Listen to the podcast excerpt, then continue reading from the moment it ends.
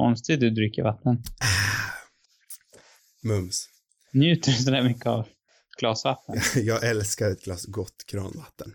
Du, njö, du njuter nästan sjukligt av det där kranvattnet. Ska vi börja podden sådär? Mm, jag har te här också. Vänta. Ja. Och kör du på te den här veckan? Mm. Jag tänker att jag ska vara lite mer lugn. Ja. Förstår du? Fast jag vill ändå vara intensiv men lugn. Mm. Förstår du? Det är inte passande att vara skrikig till den här filmen.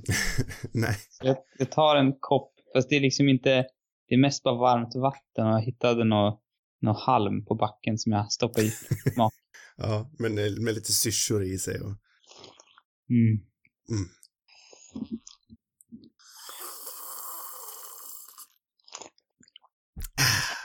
Är det här en sån här, är det verkligen en tefilm?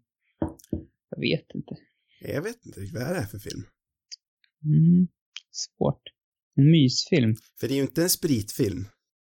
Nej, Men det är inte en tefilm heller skulle jag säga, inte en kaffefilm. du kan inte kalla den en kedjerök. Eller så tar du en tredje variant på rökande. Om du inte har, du kanske har haft fler varianter på rökande. Jag har haft tobakstuggande, jag har haft kedjerökande. Jag har nog haft någon annan rökande också. Mm, det är bra. För de röker ju, han röker ju faktiskt en hel del i den här Rickard. Ja, men jag tänker framförallt på den lilla tjejen. Ja, just det. Linda.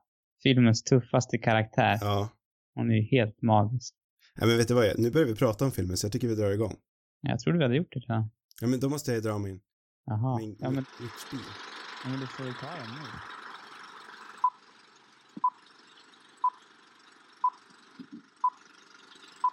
Hej och välkomna till ett avsnitt av Radio Rubus. Det här är Filmklubbspodden där vi varje vecka pratar om en ny film från obestämd genre och era.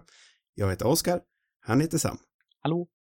Och den här veckan så ska vi prata om Himmelska dagar, eller Days of Heaven, från 1978 i spoilerfantastisk detalj. Den filmen är gjord av Terrence Malick. Tycker du hade lite för intensivt där. Ja, just det, vi skulle ta det lugnt den här veckan. Men det kan vara en trevlig kontrast.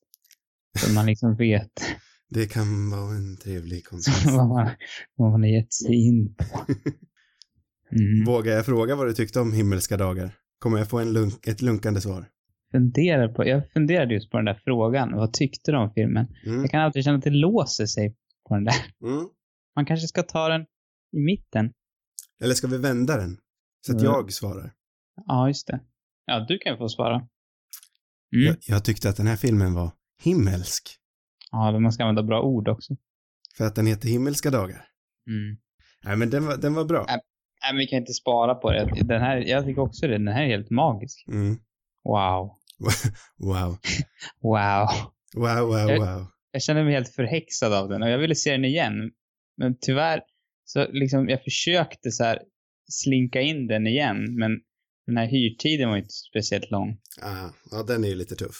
Jag såg den ju förra veckan och jag har väl sett om den ända sedan dess egentligen. Och sen var jag in och tänkte, den här, den här ska jag ha.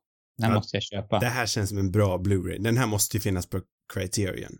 Ja, men inte. Inte Här. i Sverige såklart, men Det finns ingen annan Blu-ray heller. ah. Ingen. Ingen Oscar överhuvudtaget. det finns någon sketen DVD som man möjligtvis kan få tag på.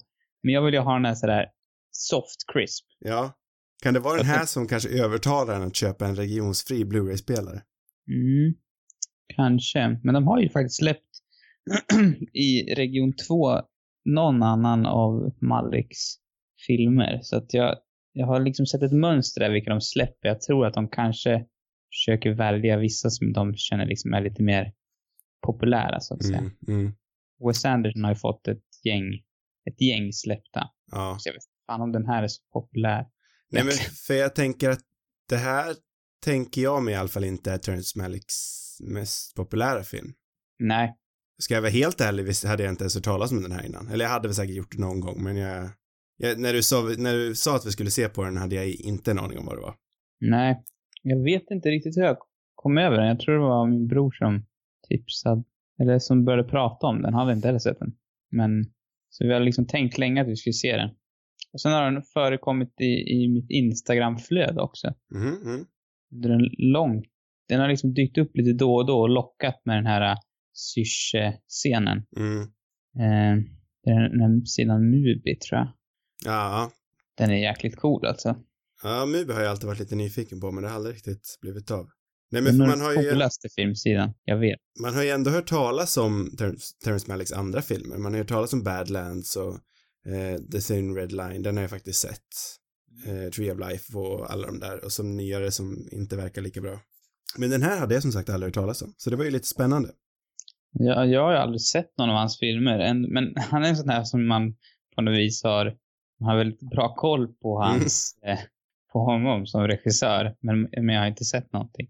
Men man känner liksom till hans trademarks ganska väl, Ja, men av precis. någon anledning. Och så är han ju välkänd för att släppa en film var tionde år, någonting, någonting han verkar ha släppt lite på de senaste, senaste åren, men Ja, det var väl till och med 20 år mellan den här och nästa. oj, var det så pass? Ja, det tror jag. Åh, Eller herregud. Thin Red Line, tror jag kom 98. Han, han var ju faktiskt eh, typ, vad var? Han jobbade i Paris. Alltså han, efter den här filmen så var han liksom helt utbränd. Och sen så var han i Paris i, i många år med någon, någon partner där och jobbade som, jag vet inte vad, han, jag tror han föreläste i filosofi eller någonting. Mhm. Och sen kom han tillbaka 20 år senare. Med en riktig krigsrulle med Sean Penn, va? Eller Ja. fel? Ja. Precis. Och gäng- det, var, det är ju någon som är känt utklippt. Det är väl Adrian Brody va? Ja, det vågar jag inte svara på. Men det eh, låter ju inte helt orimligt. Han brukar ju klippa ut. Det är ju någonting man ska vara rädd för om man är i hans filmer, att man kan mycket väl bli utklippt. Ja. Nu, det känns, nu håller vi på att hoppa där, men vi kanske ska ta det. jag, jag vill ändå bara fortsätta på det här spåret Mm. om honom först.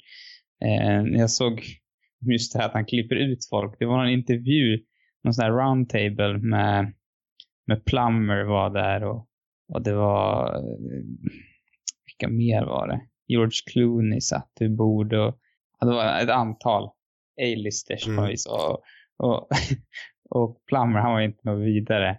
Han var inget vidare fan av Malick. Alla liksom satt där skämtsamt och bara om hur han klipper bort alla. Han hyllade ju fortfarande honom på något vis. Eller så att han var, han, han var skicklig på. Men han, han verkade inte alls gilla honom som person ändå. Men har de jobbat ihop? Ja, han var med i den här uh, Pocahontas-filmen. Som Ah. jag också vill ha sett länge. Mm. Ännu mer sugen på nu. Eh, och tydligen tror han till och med var tvingad att klättra upp i något träd så här, Fast han är så gammal och flera gånger. Och det, och det var också bortklippt. Och han, någon annan scen där han var liksom i, i hade gjort, han tyckte när han väl gjorde det att det här, det här, det här blir guld liksom. Och det var bara någon där bakgrundsnoise som hade klippt det till. Ja. Eh, så jag tror många, det känns som att han, har nog upprört ganska många Mm. med just det att han, hans icke-traditionella sätt att göra film på att han klipper bort, eller folk är väl vana att bli bort, alltså att scener blir bortklippta, men kanske inte på det här brutala sättet. Nej, men för det, jag tycker ändå att det här är relevant i samtalet, för jag, Terrence Malick har liksom en, han är liksom konstant närvarande på något vis. Han har en sån aura som man är medveten om på något metakontextuellt, på någon metakontextuell nivå någonstans. Mm. Man är medveten om att det här är ju en Malick-film, det här är någonting speciellt. Ja, det blir ju verkligen speciellt. Nej, men jag, jag tror i alla fall att det är i, i Thin Red Line som, om jag, om jag fattar det rätt, så ha, skulle Brody ha haft liksom huvudkaraktären mer eller mindre. men filmen är helt omklippt, så han har liksom inte alls den rollen. Eh, och det känns som att när jag liksom så läst på om Malik och sådär så hittar man liksom lite då och då artiklar med missnöjda skådisar. den enda, eller alltså det finns väl fler kanske, men den enda av de här stora som verkligen på något sätt verkar gilla det här sättet att jobba, det är väl Christian Bale. För han, men han är ju lite cool liksom. Ja, Jag, jag tänker att han, han är ju inte någon som gnäller om han blir bortklippt. nej, nej men precis, Men han kanske han har där. klarat sig bra också. Han är nog bara där för arbetet känns det lite som. Ja, för annars känns det nog flest, det är inte så många som har liksom återkommit till en Malick-film. Jag har för mig att det var Javier Bardem jag lyssnade på någon gång också. Undrar om inte det ock- också var en sån här roundtable-grej. Eh, Mm. Han lät också ganska cool med det här att ja, men man kan bli bortklippt. Det, Ja, men de känns lite mer coola, alltså de har så pass mycket, jag vet inte. Jag kan ju förstå, jag kan ju förstå de här som är irriterade på honom också. Verkligen. Men jag har aldrig lyssnat på någon intervju, nu blir det totalsnack om Terrence Malick här. Jag har aldrig lyssnat på någon intervju med honom så jag vet inte riktigt hur han är som, vad han har för personlighet. Jag tänker mig att han är lite som hans filmer. Väldigt lugn och tar sin tid. Det går ju knappt att få tag på någonting Ja, om det är honom. så till och med. Överhuvudtaget alltså. Han har ju han har till exempel haft sina kontrakt att han inte får bli fotad på inspelningen. Ja. Alltså, det fanns något dåligt klipp som jag inte orkade kolla på från någon, som någon hade filmat med en mobil från någon så här otroligt oväntat upp det här, alltså när han ställde upp på någon så här Q&A tror jag för något år sedan bara. Men bortsett från det så finns det typ inga intervjuer överhuvudtaget. Så han vill alltså inte ha den här bilden, han står framför kameran och pekar med en keps på huvudet. Nej. Det, fin- det, det är liksom, går man in på IMDB så finns det tre stycken bilder. Varav två är samma bild, en i svartvitt och en i färg. Och den tredje är någon smygtagen film. Han ser, bilden, han ser otroligt gubbig ut. Med någon så här solhatt och han ser, Jo, Arg. jag tror jag liksom såg stirrar. också. Ja. det är mer eller mindre en paparazzi-bild där. Mm. Det är de som finns. Nej, men jag ser liksom ändå, ja men jag, jag ser ändå att han är snäll på något vis. Jag ser, jag ser en snäll, väldigt lugn, kanske lite för lugn gubbe framför mig så man har inte riktigt koll på vad han vill egentligen. Nej, nej, men precis. Det är svårt. Men jag, jag har alltid tänkt att han var mycket yngre än vad han är. Men det kanske är just för att han inte, det var det. Jag tänkte så här för, för, inte nu, men för några år sedan tänkte jag, ja men han är rätt ung och lovande. Jag vet inte, han kändes som en av de här 90-talsregissörerna i alla fall. Mm, mm. Ja, nej, men han är, jag har alltid tänkt att han är samma, det borde han väl vara i samma som Scorsese och Spielberg och dem.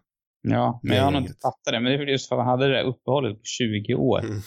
Liksom. Ja, men också känns ju hans eh, filmer väldigt moderna på det viset tycker jag ändå. Mm. Eh, Eller, Ja. utan att ha sett, jag har ju bara sett den här och eh, Tunna röda linjen. Men jag tänker Tree of Life kändes väl väldigt hipp och cool tycker jag. Ja, jag har inte sett den heller. Men, Från det man såg. mm. Ja, det, det som jag är fascinerad över den här filmen är att den, den känns... Eh, alltså den utspelar sig i en viss tid, men känns ändå otroligt tidlös just Mm. liksom produktionsmässigt. Jag har, jag, man tänker inte att den är gjord 78 tycker jag. Den, den känns... Jag vet inte. Nej, men nu dyker vi in i, Ja, vi ska ge oss in i den här filmen faktiskt. Det är väl dags. och jag tycker att vi börjar att prata om Ennio Morricones musik. Mm. Och hur otroligt mycket det här öppningsstycket som går över bilderna låter som Harry Potter-musiken. Eller tvärtom. Jaha. Var det Ja. någonting du reflekterade över? Nej, inte överhuvudtaget. Det var det enda jag kunde tänka på. Så jag säger ju att, att Spielberg är ett svin. Han har ju bara stulit. Jag var tvungen att kolla upp innan Morricone dök upp i förtexten här. Jag var tvungen att slå upp om det var Williams som hade gjort musiken. Mhm. Det här var lite för bra för det va? Ja, det? ja, ja, det, ja. Jag, så, så långt skulle jag inte gå, men det här är fruktansvärt bra musik. Men jag, jag, jag skulle inte börja bråka med dig om du kom och sa till mig att Morricone var bättre än, än Williams. Nej. Så långt skulle jag inte gå. För Nej, jag, Morricone jag vet inte vad jag själv tycker egentligen om jag ska vara ärlig. Men, men just det här soundtracket, det var otroligt. Just kom, kombinationen av det här otroliga fotot och den här stämningen på något vis som man, som man har liksom lyckats skapa. För det är inte bara att det är snyggt, utan det är liksom det här... Vet, alltså alla scenerna på någonting har något så äkta över sig tycker Mm. jag. Alltså ofta när det är såna här period-filmer så, så, jag vet inte, då är det, man är väldigt medveten om det här sättet, eller alltså Mm. själva scenen Mm. med de här byggnaderna. Det är, allt, allt, det är någon gata kanske, det är folk i kostymer och men, men det här känns det som att han liksom har tagit sig till den tiden. Nu, nu är det ju mycket kanske för att de är just i, i, ute i, i naturen. Liksom. Det Mm. finns ju inte massa bebyggelse, men jag tycker alla rör sig. Det, det känns så naturligt allting. Ja, Det det, känns som att- otroligt autentiskt. Ja, det där tåget som går i bakgrunden, där folk som står på den här och sen också det här fotot som, alltså det be- beror förmodligen mycket på att han har just den här stilen av att filma en massa grejer och sen sitta två år och bara klippa ihop det och plocka hur som helst. Liksom att han, han lyckas ju verkligen hitta det här ja, men äkta i stunden på något vis. Ja. Nej, men för jag, det här är rent antagande, men återigen, om vi ska snacka om Terrence Malick, jag tycker han känns som en människa, jag antar att han har byggt upp det där huset bara för att filma den här filmen. Vet du någonting Mm. om det? Mm, ja, och det, det är liksom hela huset också. Ja, det var, ja, huset är alltså uppbyggt för, för den här Ja. inspelningen. Ja, det var det jag antog, för det är så otroligt snygg, eh, snygg, snyggt location-mässigt. Ja, och det är inte heller, det är liksom inte, det är inte en kuliss utan det är ett, ett, de filmar liksom insidan i det där huset Mm, också. jo, jag antog det. Jag, jag förväntar mig inget mindre. Nej. Det är faktiskt, eh, han jobbat med samma production designers sen, ja, sen alltid tror jag, mer eller mindre. Mm. Och jag kan inte, det är svårt att inte dra liknelser mellan den här och eh, There Will Be Blood. Paul Mm. Thomas Anderson-filmen. Mm. Och det är faktiskt samma production designer också som har jobbat på den. Ja. ja, men För det ser jag. För jag tycker Paul Thomas känns ju otroligt influerad av den här. Just liksom stämningsmässigt och den naturliga, den där naturliga, vad ska man säga, vyn eller tolkningen av, av, av dåtiden. Mm. Så att, att det känns inte sådär stageat som det vanligtvis brukar göra. Nej. Och Nej. sen den här ensliga, en, de här ensliga personerna i den här ensliga miljön, liksom och det där huset uppe på kullen som är rätt likt de här oljegrejerna liksom. Ja, men för det är det som är så snyggt också, för huset är ju inte, det står ju inte där ute för sig själv bara för att det är snyggt. Nej, Det är som du säger, det bidrar ju också till stämningen att det här är ensamma människor, såklart att de bor här ute i ingenstans. Mm. Det har ju liksom ett, ett annat syfte utöver det snygga. ja precis. Visuellen är ju inte, eh, bilderna är ju inte bara snygga Nej. för att det är fint. även, fast, även fast det bör vara så också, men. De, de här liksom olika momenten bara, men när det brinner på åkern där och Mm. syrsorna och de här bibliska grejerna. Men alltså, jag vet inte. Det, det påminner också om den där scenen i There Will Blood när det liksom börjar brinna. Det, den är ju kanske ännu bättre än någon av de här scenerna. För det han har liksom tagit det till nästa nivå på något vis. Men, men det är samma kvalitet till det tycker jag. Jag tänkte ju mer på, eh, på grodorna från Magnolia. När det gäller syrsorna. Just det, just det. Ja, men jag tänkte mer på när det brann, när, när de började elda där sen. Mm, ja, jag förstår vad du menar, men jag, jag tänkte på grodorna också. ja, fa- ja, det är sant.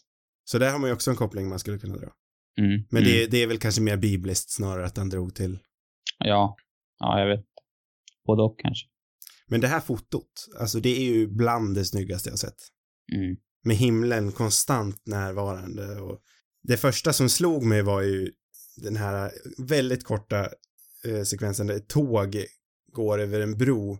Tåget Mm. ligger liksom bara i silhuett, silhuett med himlen i bakgrunden och det är så fruktansvärt snyggt. Mm. Och då Ja. blir jag också lite så här, har du byggt upp den här bron och det här tåget bara för att filma det här? Det borde väl finnas. jag. Säkert. Men det skulle inte förvåna mig. kanske en modell. Nej, jag vet inte. Det, det borde väl finnas någon sån miljö, tycker jag. Ja, det Ja, gör för, jag. mig, för mig är det eh, också bara den här, liksom, de här färgerna. Det här, Mm, mm. Jag älskar de där färgerna. Och, och de här, jag, jag är liksom i någon stadie också där jag har länge drömt om att få uppleva de här miljöerna. Liksom åka till staterna och bara vandra på en äng sådär. Och den här, den här filmen gör mig ännu mer sugen. Sen är den ju filmad liksom i det här perfekta, i det här perfekta ljusstaden, vad säger man? Jag vet inte vad man säger på svenska, men golden hour. Mm. Och mm, alltså de här dags, åtminstone, alltså alla utescener är mer eller mindre filmade utan artificiellt ljus också liksom. Mm. Nej, det, det är magiskt. Ja, det är oförskämt fint. Och så in i huset där när gardinerna lägger för det blir lite så här, ja, disigt eller vad man ska säga, men det är, ja, nej, det är så snyggt. Mm. Det är mycket fascinerande med filmen. Det är också fascinerande med, eh, med just eh, fotograferna. Eller det är två stycken, det är väl en huvud som vann Oscar för den här. Som var liksom, han började bli blind när han gjorde den här Oj! filmen. Och eh, så, ja, jag vet inte om det var halvvägs igenom eller hur, hur långt det var, men då var det en annan som tog över. Ehm, Det tycker jag inte märks. nej, nej, det märks inte överhuvudtaget. Eh, men han den andra i alla fall, han, han har så här i efterhand verkat rätt bitter. För en, enligt honom då så var det han som filmade 50 procent av, Ja, av mm. fotot i filmen. Men det, det är den, den första, den blinde då. Eller ja, han var inte blind när han började. Nej, förståeligt. Nestor Almendros, det var han som har, har fått Oscar. Mm. Jag glömmer att nämna han den där som hade filmat 50. Ja, men vi gör det. Ja, Han, han tar det nog med.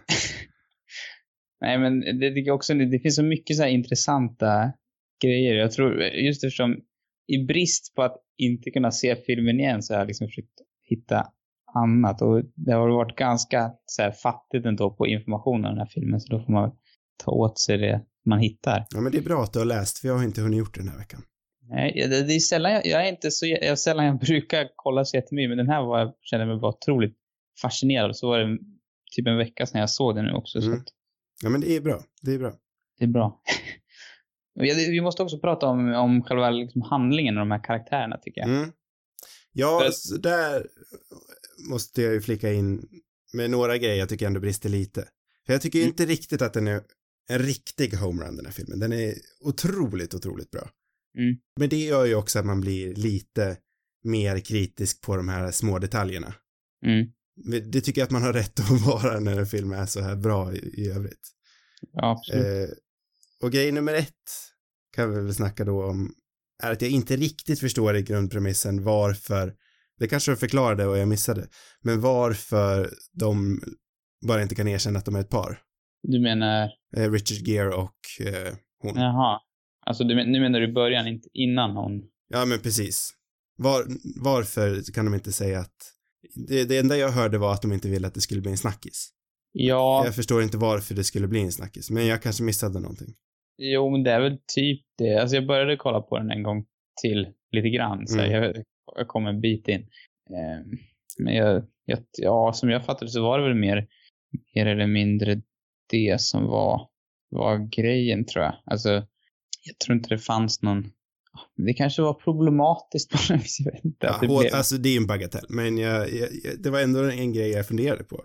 kanske kände ett hot, de andra männen, gänget. Nej, jag vet Brooke, inte. Brooke Adams heter den kvinnliga skådespelaren. De skulle bli hånade, inte vet jag. Jag vet faktiskt.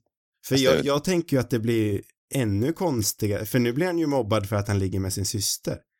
Ja, Så Ja, jag, det jag, var ett stadie där inte jag hängde med riktigt. Jag, så här, och det var någon, när, när jag tror jag hade missat det i början så sa han bara att det var bror och syster och så bara, "Vä- vänta nu, är det här en incestfilm? Så, Aj. Nej, men för Nej. de nämner det ju skitsnabbt, för jag var också på väg att missa det. Ja, Jag tror bara att hon, eh, Linda, hette hon så? ja, Linda säger det till doktorn. Ja men Eller- precis, jag tror hon säger det i en, i en narration där lite snabbt också. Ja, men jag, jag missade nog den första. Så jag, när jag hörde till doktorn bara, då blev jag så här lite tveksam.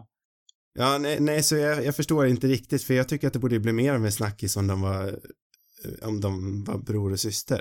Och de är Ja, så det är närgångna. rätt. Jag, vet- jag vet faktiskt inte. Eh, Men Det är åt, bara, det är bara det är konstigt. Men det är nog ingenting jag har, Nej. det var ingenting jag störde mig på egentligen. en bagatell, men ändå Det var någonting ju som... praktiskt för, för senare i filmen. Ja, för det, det är ju för att handlingen ska komma dit den vill. Mm. Och det är ju förståeligt ändå. Okej, jag hoppar över till problem nummer två. Hur många har du? Är det tre? Tre, tre stycken. Man vill bara veta liksom vad man har att se fram emot. Tre, Oscars tre problem. Richard Gere. Kanske borde göra en, en åter, återkommande jag måste hitta tre problem i varje film. Oscars, och så kan vi göra en liten trudelutt också. Oscars tre problem. Oscars. Tre problem. Ja, den, ja. Richard Ja, men- Gere. Mm. Det här vi pratade om att allting känns så autentiskt för tidsperioden. Mm. Jag tycker att han sticker ut lite i den här filmen som en väldigt, liksom, han, han, han, är, för, han, är, han är för söt på något vis. han, är, han är liksom för, för ren. Han är, han är inte skitig nog för vad den karaktären han spelar. Nej, jag, det kan jag faktiskt köpa lite grann. Det är inte heller någonting jag egentligen har tänkt på, men, men de andra skådespelarna har ju en, en mer sån autentisk kvalitet. Ja, för Sam Shepard, han är ju liksom, ja men han, han är ju, han är i den här tidsperioden. Han är, han är liksom, inte sliten, han är också väldigt liksom ren och så, men han har, jag vet inte, han, han, han är manlig. Richard Gere, Ja, han han har inte jag tänkt på så mycket, men jag, jag tänkte mer på, på Linda och Mm. eh, vad heter hon nu då? ja, Brooke, Brooke någonting heter skådespelaren. Brooke Adams, Brooke Abby. Adams, Abby. De har en lite, alltså de har ju en annan skärm också. Ja, men de har- de har- är ju mer, han är ju inte superskärm, alltså han är ju inte speciellt charmig egentligen. För jag, jag tänkte på det här under hela filmen. Du är inte ett stort fan av eh, Kevin Costner. Mm. Jag tror att, att eh, Richard Gere är för mig vad Kevin Costner är för dig. Mm. Men jag kan fatta det. Alltså, alltså inte helt. Nej, jag har egentligen aldrig haft någon åsikt. Alltså jag har knappt sett någonting med Richard Gere tidigare. Och jag tyckte ändå att han är rätt mysig. Jag, jag tycker att han är bra i den här filmen. Jag, jag tycker ändå att det funkar med att han ser sådär gullig ut på något vis. Jag tycker det är intressant just med, med tanke på karaktären. Jag tycker själv att Richard Gere är någon som har hittat sig själv lite mer i, i sina nyare roller. Jag tycker han passar bättre in Jag tycker hans karisma passar lite bättre in i äldre man. Jo, så, han, så, är, han är lite för, men lite för, för ren för att vara den karaktären han är. För, särskilt där i öppningsscenen när han slår ihjäl den här chefen. ja, Han, han känns, ja, jag vet inte, jag skulle, antingen bara att man, att man lortar till han lite, för han, han känns väldigt rent ren, fysiskt. ja, Liksom. ren fysiskt också. Smutsig i ansiktet. Ja, för att vara ett stålverk så har han ju inte en fläck på ansiktet. Ja, jag, jag vet inte om jag håller med, men, men han, han, du kan ju inte mena att, att han är Kevin Costner-aktig. Jo, Han kanske är. Det var det jag trodde, men jag, jag tror att det är för att jag gillar den här filmen så mycket så. ja, Hade den här filmen dock varit med Kevin Costner så hade jag aldrig sett den. Någonsin. Jag hade inte ens kommit på tanken att se den. Och jag hade förmodligen hatat den också. nej, För att men, jag tycker, åtminstone att Richard Gere, han, jag tycker att han är upplevd som en sympatisk karaktär i den här filmen. Även fast Mm. han är ganska mystisk och sådär. Man får inte jätte, veta jättemycket om de här karaktärerna. Men, men, men jag tycker ändå att han är, han känns ändå som en trevlig snubbe som det går snett för på något vis. Och han är ändå, och han är inte någon som så här, han trippar fast snällt på något vis. Eller alltså han gör inte, jag vet inte. Hade det Ja. varit Kostner hade man bara blivit less från början tror jag.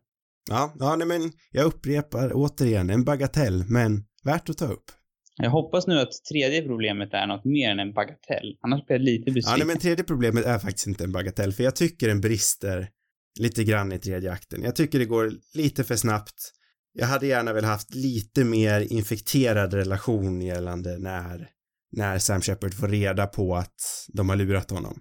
Mm. Jag skulle, jag hade liksom föredragit om det låg och gnagde lite där ett längre tag istället. Han visste om, de visste inte att han visste. Mm. Nu blir det istället lite sådär, han får reda på det, det ligger där, men lite halvt som halvt, men man glömmer det för att gården börjar brinna. Och sen helt plötsligt så börjar de slåss och så dör Sam Shepard. Och sen börjar de spela en liten glad gura-melodi. Nej, men jag tycker det är rätt. Han var ju död, gubbjäveln. Nej, men det blir lite emo- emotionell eh, whiplash. Eh, och så går den liksom in i någon fjärde akt. Jag tycker i och för sig slutet där funkar.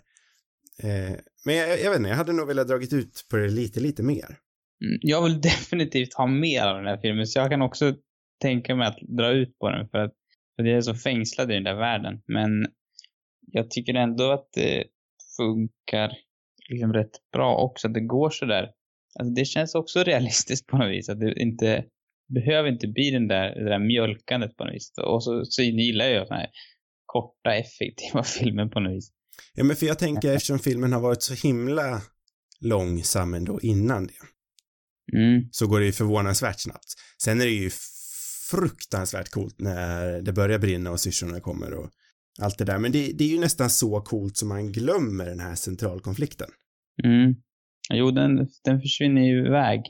Men egentligen så är den ju, den är ju väldigt sådär, hela konflikten är otroligt odramatisk genom hela filmen tycker jag. Mm. Det fin och de, man vet inte, de här karaktärerna är ganska, man vet inte riktigt vad de känner för någonting. Eller alltså man förstår vad Richard Gere känner och, och eh, Brooke Adams karaktär förstår man väl delvis. Men sen så börjar hon bli, eller jag tolkar det som att hon blir lite förälskad i den här läkaren också. Det, det är liksom så här, det, det är ett ganska flyktigt porträtt av de här Mm. människorna. Ehm, och det är rätt mystiskt alltihopa. Så jag tycker på något vis också att det passar resten av filmen att, att, det, blir, att det slutar så rätt tvärt på något vis. Alltså, man får aldrig riktigt någon klarhet i, i någonting, utan det är bara som att man, man får, får en dela en stund med några människor som upplevs otroligt verkliga. Eh, och ja, Ja, sen alltså det, kastas man ut därifrån. det har ju en poäng i att från deras håll, från deras perspektiv så bör det väl vara så. För det har du väl rätt i att det är ju mer kanske en flyktig situation för dem. Men för Sam Shepard så är ju det här, han har ju blivit blåst på sitt liv. Han trodde han hade hittat sitt livs kärlek. Han, hade, han var ju dösäker på att han skulle dö ensam innan det här. Men han blir ju förbannad ju. Han ska, ja, men han blir ska väl döda honom, ja. mer eller mindre. Nej, jag vet, jag vet inte. Jag saknar någonting mer. Det är väl det problemet jag har som jag känner har mest substans. Mm. Som jag ändå känner grundar i någonting problematiskt i filmen. Ja, jo, jag tror också att man hade kunnat... På sätt och vis känns det lite som att han kanske klippte bort en del av filmen. jag vet inte. Jo, det har det väl skulle lite. kunna funnits där. För att jag, jag tvivlar på att han inte hade filmat tillräckligt material. Eller han kanske jätte- han filmade förmodligen väldigt mycket material. Men han kanske inte lyckades filma rätt material. Nej, inte. det kan ju alltid vara ett problem. Han kanske filmade för många djur. Ja, precis. Jättemycket djur och syrsor i närbild. För det var någonting jag konstant funderade på också. Hur många timmar har han suttit och väntat på att filma syrsor? Eller andra djur. Men jag tänker att syrsorna måste ju varit de svåraste att filma. Mm. Ja, kanske. Jag har inte testat någon gång. Eller så är det inte vilda. Det kanske finns massa syrsor där, det vet jag inte. Eller så är det inte vilda Eller alltså, syrsor. menar du de här när de flyger, den här stora svärmen? Nej, jag tänker mest, eh, han, innan det så har han ju lite så här B-roll-foton på, ja men inte bara syrsor, på andra djur också. Det dyker väl upp några bävrar eller något sånt där och han, var få- han kanske inte var med på alla dem, han kanske hade någon B-fotograf som han skickade ut. förmodligen. Men de- den här scenen när, när det bara svärmar av dem, den är, så har jag förstått det filmat så att de har liksom kastat, vet det, jag tror jordnötter från, från någonting och sen filmat det baklänges liksom, eller spelat det baklänges. Så det är jordnötter de kastar upp? Jag tror det, om det stämmer det jag har läst. Ja. Nej, inte kastar upp. De släpper ner dem. Men, men det ser ut som att Ah, okej, Jag ja. vet inte exakt hur de har... Det verkar förstås konstigt om de svärmar. Jag måste nästan kolla på den där scenen. Det kanske jag kanske kommer helt bullshit nu. Jag hittar på det. Ja, nej, det var ingenting jag hade tänkt på innan, men det, nu när du säger det så är det ju väldigt intressant att veta hur de gjorde det här 1978, för det ser ju väldigt bra ut. Jag måste kolla, jag måste kolla på den där scenen. Sen är det ju på, från väldigt långt håll. Ja, ja, jo. Eller vad menar du med det? Att, Nej, alltså det är filmat från långt håll, så man ser ju inte att det, alltså det spelar ingen roll om det är jordnötter direkt. ja, så nej. Nej, nej men precis. Jag, jag måste bara se när de lär jag mer än ni. Jo, men det, det, de ser ut att falla liksom. Sen har de säkert lagt till på andra ställen för då ser man någon svärm. Jag tror just de här som är framför kameran som liksom, det tror jag ska vara jordnötter. Mm. Ja, det var bara en liten, Ett eldigt kommentatorspår från Sams YouTube-tittande. Ja precis. Det här kommer jag behålla med i podden. Yes! Yes! Det kom med. Mm. Jag känner att jag tappar lite den här mysfaktorn. Oh, nej, nej. Ta en, hallå. ta en slurp te. Det är slut. Ja, mitt vatten är också slut. Jag har bara droppar kvar. Eh, men om vi ska prata mer om, om handlingen så... Mm, det, jag, kan, jag förstår ändå liksom det sista du har med att man vill ha mer på ett vis av den där... De har sådana möjligheter också. Mm. Att, att, att just använda det där dramat. Mm. Men det är också lite det som är okonventionellt. Att, att, att inte så här överdramatisera det. Ehm, Jo, men det förstår jag. men i det stora hela tycker jag bara att de här, egentligen så, jag vet inte riktigt varför, vad det är som gör att det funkar. För, för just, eh, just att det, bristen på, eller bristen på drama är det väl inte, men, men det är ändå, om man jämför med mycket annat så hade de ju, det är ingen Titanic direkt. De har inte, de har inte mjölkat den här, den här romantiska relationen de har mellan varandra. Nej. Och det är inte heller den här självklara romantiska relationen. Alltså det, är- det, det är mycket som inte är så Hollywood-aktigt liksom. Men jag, ty jag tycker just bara de här personernas öde och att de är på det där viset. Det är det som gör det så fängslande. Mm. Ja, nej, för jag älskar kär kärleksrelationen. Ja, Det ja, tycker men, jag är väldigt underspelat och bra. ja det, det är någonting som känns väldigt äkta med den. Mm. Och jag tror det är därför jag vill ha, ha man vill ha mer av det liksom. Mm. Ja, men och sen också när den tar eh, ja, men lite annorlunda svängningar, till exempel när de här eh, cir- cirkusmänniskorna kommer in på flygplan från ingenstans. Mm. Att Det det, är också liksom, spännande. det känns ju liksom, det känns som en stor amerikansk roman det här som någon har adapterat. Ja, det gör det ju verkligen. Som en klassisk Huckleberry Finn-aktig. Mm. Det, jag tycker det är imponerande att han, alltså att han har skrivit ett manus som känns så. Det känns ju verkligen som en klassiker på något vis. Mm. Men, men det är, vad jag vet, original. Från scratch. Ja, Det- ja, men det har jag också tolkat det som. Det är väldigt häftigt. Sen tycker jag också det är intressant eh, med, och det är ett trademark jag inte känner till med Malik, men det är att han alltid har en, en voice-over liksom med någon av, någon av karaktärerna. Mm. Tror jag i alla fall. Eh, och, och just att, att filmen på något sätt är sedd från, från Lindas, den här unga systerns liksom vi, är ju också intressant, Mm. tycker jag. Mm. Eh, och just med voiceover kan vara, jag vet inte, ibland kan jag tycka att det är, är rätt äckligt alltså. Eller alltså, Mm, ja, nej, jag håller med dig. jag vet, vi har snackat om det tidigare. Jag tror vanligtvis så brukar vi inte vara några jättestora fans av det, även om det finns undantag såklart. Eh, Men i den här filmen så känns också det så äkta och hon har liksom en, den här charmiga accenten hon har är ju också så underbar och det här underliga sättet hon uttrycker sig på. Ehm, Ja, men också det här egentligen att det känns så, det känns så amatörigt att de liksom snubblar på hennes repliker oftare än inte. Men det ger Mm. en sån otrolig charm till det. Mm, ja, och sen eh, läste också något intressant. Jag tror det var Roger, vad heter han, Ebert? Er, er, jag glömmer aldrig bort hur han uttalar det efternamnet, men Jag vet inte vem vi pratar om. den klassiska filmrecensenten. Ro, Ja, Roger eh, Roger Ebert. Ebert. Ebert. Jag tror det var han som skrev om just att, att ja, men om man tänker på det här liksom dramat kring, kring de två, alltså det här kärleksparet. Att, att, just att det kanske saknas på något vis. Alltså det känns lite distansaktigt eller man får inte så mycket detaljer i det på något vis. Att det, att det kanske beror på att det just är berättat från Lindas perspektiv. Men är inte lite poängen då att vi inte ska känna så mycket för de två? Jo, eller, eller va? Eller vilka, Ja. vilka två snackar du om? Jo, men alltså, alltså han menar det som att som ett, det är ett bra, Ah, det ja, det ja, ja. gör det som ett bra Mm, grepp mm, liksom. mm. Och det är det som kan förklara att man kanske, ja men, om man tolkar det som att man, så att det inte blir liksom tillräckligt nära eller att man inte riktigt får förståelse för dem. Mm. Men det är just att det är berättat från hennes perspektiv. Det, det är henne man följer genom hela filmen egentligen. Ja, då är jag med. Jag trodde det var ett klagomål. Nej, nej, nej, Nej. nej, det var bara, det var positiv kritik. Mm. Han var väldigt positiv till den här filmen. Men jag kan tänka, jag, jag tror att, eh, för den fick ju, den var ju väldigt hyllad för fotot och, och sådär, men jag tror just att handlingen var väl inte lika, lika hyllad liksom. Okej. Och jag tycker, ah, jag, jag vet inte, men jag tror åtminstone det, det är väl fotot som den kanske är mest ihågkommen för åtminstone. Mm.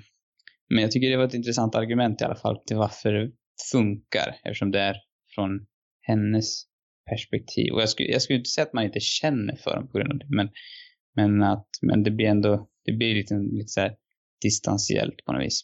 Mm. Och kanske lite oförstående också eftersom hon är en, en ung kvinna liksom som kanske inte riktigt, ja, hon ser det på avstånd lite grann. Ja, nej, och sen tycker jag även att narrationen bidrar till den här, eh, som jag snackade om, den här svepande, liksom stora klassiska amerikanska romanstämningen. Mm, Jag tycker ja, gör det är ett sånt där drag som nästan hör hemma i det. Jag tänker att skulle man göra en, en Mark Twain-adaption så tänker jag att, nu var det länge sedan jag läste Mark Twain så jag kommer inte ihåg om han har någon berättarröst, men eh, jag tycker det känns lite som i samma, stäm, stäm, samma stämning. Mm. Ja, ja det, det, det känns ju väldigt liksom, ja, jag håller med. Det var Den det jag hade att säga om berättarröst. Mark Twain. Jag har aldrig läst Mark Twain. Jag har, det var nog säkert någon förenklad Mark Twain-version, men jag, jag vet att jag har läst eh, någon Mark Twain. Just de här klassikerna som var de här förkortade klassikerna man läste på Ja, precis. lågstadiet måste det ha varit. Jag var ju en riktig biblioteksrotta i mellanstadiet. Ja, mellanstadiet kanske. Så Det jag, lä- sådär- jag läste mycket Mark Twain då, vet jag. Jag tyckte det var riktigt bra. Det var liksom hundra sidor typ. Mm. Ja, det var ju någon förenklade versioner, så var det ju. Så fanns alla klassikerna. Ja, det var, då, det var ju faktiskt... Det var ju, det var ju en guldgruva. Ja, så man kan ju ändå säga att jag har läst Mark Twain. Ja. Undrar hur de är skrivna egentligen. Jag skulle nästan vilja läsa en sån nu. Ja, faktiskt. Det är som en sån här snabb version om man inte... Mark Twain for Dummies. ja, precis. Nej men, nej men absolut. Det, det tillför till den här, vad ska man säga, litterära klassikerkänslan. Mm. Ja, där uttryckte du det bra. Mm. Ja, ja, det, det suger att den inte går att köpa än. Men det kanske är den där Blu-ray-spelaren man borde införskaffa sig. Jag har ju länge funderat på det där, ja. Men i slutändan vet jag inte om det är värt det. Nej, det som är tråkigt är att jag vill ju ha på något, man kommer ju inte få mer egentligen genom att se den igen. Men åtminstone kan man liksom få hoppa in i den där, i den där världen en gång till. Ja, ju, och så är det ju fint att ha den i hyllan också. jag tänker så, bara liksom för att kunna visa upp den. Ja, Ja, just det. men jag har ju, creddig. jag har ju det här otroliga dilemmat nu att min hylla är full, så jag måste börja prioritera bort och lägga dem i skåp istället, och den är inte lätt. Men den här är ju ingen man prioriterar bort. Nej, För den här är både creddig och bra, tänker du. Så tänker jag. Ja. Ja. Jag. Jag, måste ju verkligen se mer Malik-filmer i alla fall. Det är en sak som är säker. Ja, åtmin, bara ge åtminst, sig iväg på en gång. åtminstone Badlands vill man ju se nu. För den är ju otroligt hyllad. Ja, men jag, jag tror just att det här, eh, de kanske är jättetråkiga och, och dåliga de andra, jag vet inte, men, men jag är jättesugen på den här New World-filmen av någon anledning. Mm, ja, men Det har varit länge. Och den är väl inte, den är väl rätt, den har väl fått rätt så halvbra kritik, Mm. ska jag gissa. Eller jag vet inte. Den har väl inte blivit superdissad tror jag, men det är väl nog ganska, det är väl kanske få som gillar den. Ja, jag vill också säga att den har ganska sval kritik. Men, men ja, just på grund av att han lyckas fånga eh, den här världen, jag vet inte exakt när den utspelar sig, himmelska dagar. Någon gång. 1916 har jag för mig det var. Ja. Eh, Alltså att han lyckas fånga 1916 på ett så autentiskt sätt så blir man ju sugen på något att se, se, jag vet inte jag exakt när det utspelar sig men jag vet inte, och det här drömska, för jag, jag, vad jag har sett från den så känns den också väldigt drömsk. och sådär. 1607 utspelar den sig. Mm. Shit, du sitter, du kan de här grejerna i huvudet. Jag kan det utan till. Sin Red Line, när kommer den utspela sig det? Den utspelar sig ju självklart år eh, 1962. 44? Se- Va? Nej. Nej, nej, nej, nej, Den utspelar bort det. sig självklart år 1900, kom igen, kom igen, kom igen, kom igen, kom igen. Fyra kanske? 43. Fan. Men Nästan. såklart, misstaget jag gjorde Mm. var ju att det här är ju från minnet, inte så lätt, jag har så många minnen. Eh, Men den baseras ju självklart på den autobiografiska boken som kommer från 62 av James Jones. Slarvigt läst. Ja, nej, nej, alltså det är, det är mina minnen, de, ugh. det är så mycket i den här hjärnan. Ja, jag förstår. Det är Ja. tungt. Mm. Ja, det är inte lätt. Nej, men jag känner mig faktiskt, efter att ha sett den här filmen så, ja, det har liksom tagit honom till den, den nivån när allt är intressant. Men sen måste jag ju dock säga det att jag håller med dig. Hädanefter kommer jag se allting han gör, men jag tycker ändå att Night of Cups och To the Wonder, de här två senaste han gjorde, känns lite, inte oinspirerade, men de, de känns inte lika intressanta baserat på, på trailers. Nej, det, de känns lite mer, eller jag vet inte, To the Wonders tycker jag ändå verkar rätt spännande. Men The Han New har, World, han har du, gjort tre, han har gjort Song to Song också. ja just det, den också. Den såg ju, den var ju ganska intressant baserad på skådespelare också. Men det är väl de tidigare egentligen. Ja, men det var också. någonting speciellt med den, för där, ja, Det är bara för, för Natalie Portman. och eh, Ja, Fassbender var väl också med. Och Gosling. Ja, det är sant. Eh, Men jag tycker väl ändå att eh, det, jag håller med dig om The New World och även fast den inte, de här tre vi snackade om nyss, de har ju också fått sval kritik. Men man vill se The New World enbart på grund av, precis, eh, inte enbart, men man vill se den mycket på grund av pre- premissen. Mm. Ja, jag är väldigt fascinerad av, av, av just det som skedde och jag hoppas den är, är rätt kritisk också till de som invaderade så att säga. Mm. Eh, nej men de här nya har ju, det är ju Christian Bale med åtminstone, vilka är han med? Han är ju med förresten i den här New World. Och Kate Blanchett är väl med Night of. Cups. Aj, nej men jag vill, jag vill se allt. Det, det känns liksom spännande. Jag tycker de känns lite gråa och dystra, men alltså skulle någon komma och säga till mig, nu ser vi på de här, då säger jag, okej. Ja. Nej, Men Tree of Life, den, den har ju faktiskt blivit, den har blivit rätt hyllad ändå. Mm, ja, Den- den är man riktigt sugen på. Ja. Ja, Men det är någonting som fascinerar en med, med just det här sättet han jobbar, för han är ju verkligen unik. Mm. Otroligt. Har vi någonting mer att säga just om himmelska dagar? För nu börjar vi upprepa lite det vi sa i början. Ja, jag vet, nej, jag, jag, jag vet inte. Jag tror inte jag har något så här. Vi ska inte mjölka ur den, vi ska, vi ska göra det snabbt. Ja, Nu är det slut. Hej! nu, nu är det slut. Nej, men jag känner ändå att vi... Jag, jag, jag älskar filmen, men jag känner ändå att jag har några små problematiseringar som jag Mm. hittar i den. Ja, men jag kan, jag kan ändå köpa dem. Jag tror jag var, jag känner mig på något vis förhäxad av den här. Så jag kan inte, jag måste nog se den någon gång till. För att se mer klart också tror jag. Men, men man älskar ju att bli så här förhäxad. Ja, men är det, underbart. det är bland det bästa som finns. Det är riktigt härligt.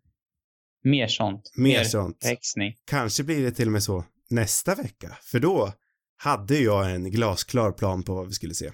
Ja, vad ska du förhäxa oss med då? Jag hade ju tänkt att vi skulle se på Taxi Teheran Ja. eftersom den finns på SVT Play. Men sen kom ju den här Jim Jarmusch in och förstörde allting med den här nya trailern till sin film. Ah. Har du sett den? Nej, jag har inte hunnit kika på den här faktiskt. Du måste, Men det låter otroligt du, spännande. Du måste kika in trailern till hans nya film om zombies, jag kommer inte ihåg vad den heter på rak arm. Och då var det ju så här för att eftersom Only Lovers Left Alive finns just nu på SVT Play. Ah. Både Det skulle taxi... kunna finnas på cineasten också kanske. Ja, gör den det, då skulle man ju kunna ta den till nästa gång. Det har jag faktiskt inte kollat. Ja, där finns den också. Ja, det finns där. Ja, men då kör vi Taxi Teheran till nästa vecka. Ja, fast nu är jag sugen på den här Jim. Jag vet, Taxi Teheran finns också faktiskt på cineasterna. Jaha, vad säkert. fan. Då har jag suttit här och dilemmatiserat hela. ja, vi vet det. Är svårt val, men just, just Jimmy Boy, han har jag inte heller sett någonting av. Är vi säkra på att Taxi Teheran finns? Nu måste jag dubbelkolla det. Ja, För annars, är det hundra? jag, jag, jag kollade det alldeles nyss. Ja, men då, fan då, då gör vi som du vill. Nej, alltså jag vet, du får, jag tycker båda de känns fascinerande. Jag, Jag vart ju Nej. fruktansvärt sugen på, jag kände mig bara lite sugen att, att se någonting eh, internationellt som inte var engelsktalande. ja, alltså, nej men det, jag, just Jim Jarmusch är med, framförallt, hade du sagt den här Deadman med, med Johnny Depp, då, då hade det liksom inte funnits någon återvändo. Just i det här fallet är jag mer delad, alltså vilken jag är mest taggad på. Så att Ja, jag, jag, jag, lämnar det fullt, jag valet helt till dig. ja, jag, säger, jag, vill ju, jag vill ju även se Only Lovers Left Alive. Mm. Ja, men ju- det vill jag också. Det var ju såklart därför jag tog upp den. Eh, för den rollistan är ju liksom, mwah, Ah, är bra. så bra är den. Men så kollade jag på trailern till den här Taxi och den verkar ju även underbar. Mm. Vet du vad? Vi ser på Taxi till nästa vecka. Mm. Shit. Okej, och så ska vi dra den här vanliga också. Flera avsnitt hittar ni på cinemarubus.com. Har ni frågor och vill ha svar, eller kanske ett förslag, skicka in det till cinemarubus.gmail.com. Sen har vi sociala medier. Där hittar vi Cinemarubus och ingenting annat. Adjö! Adjö.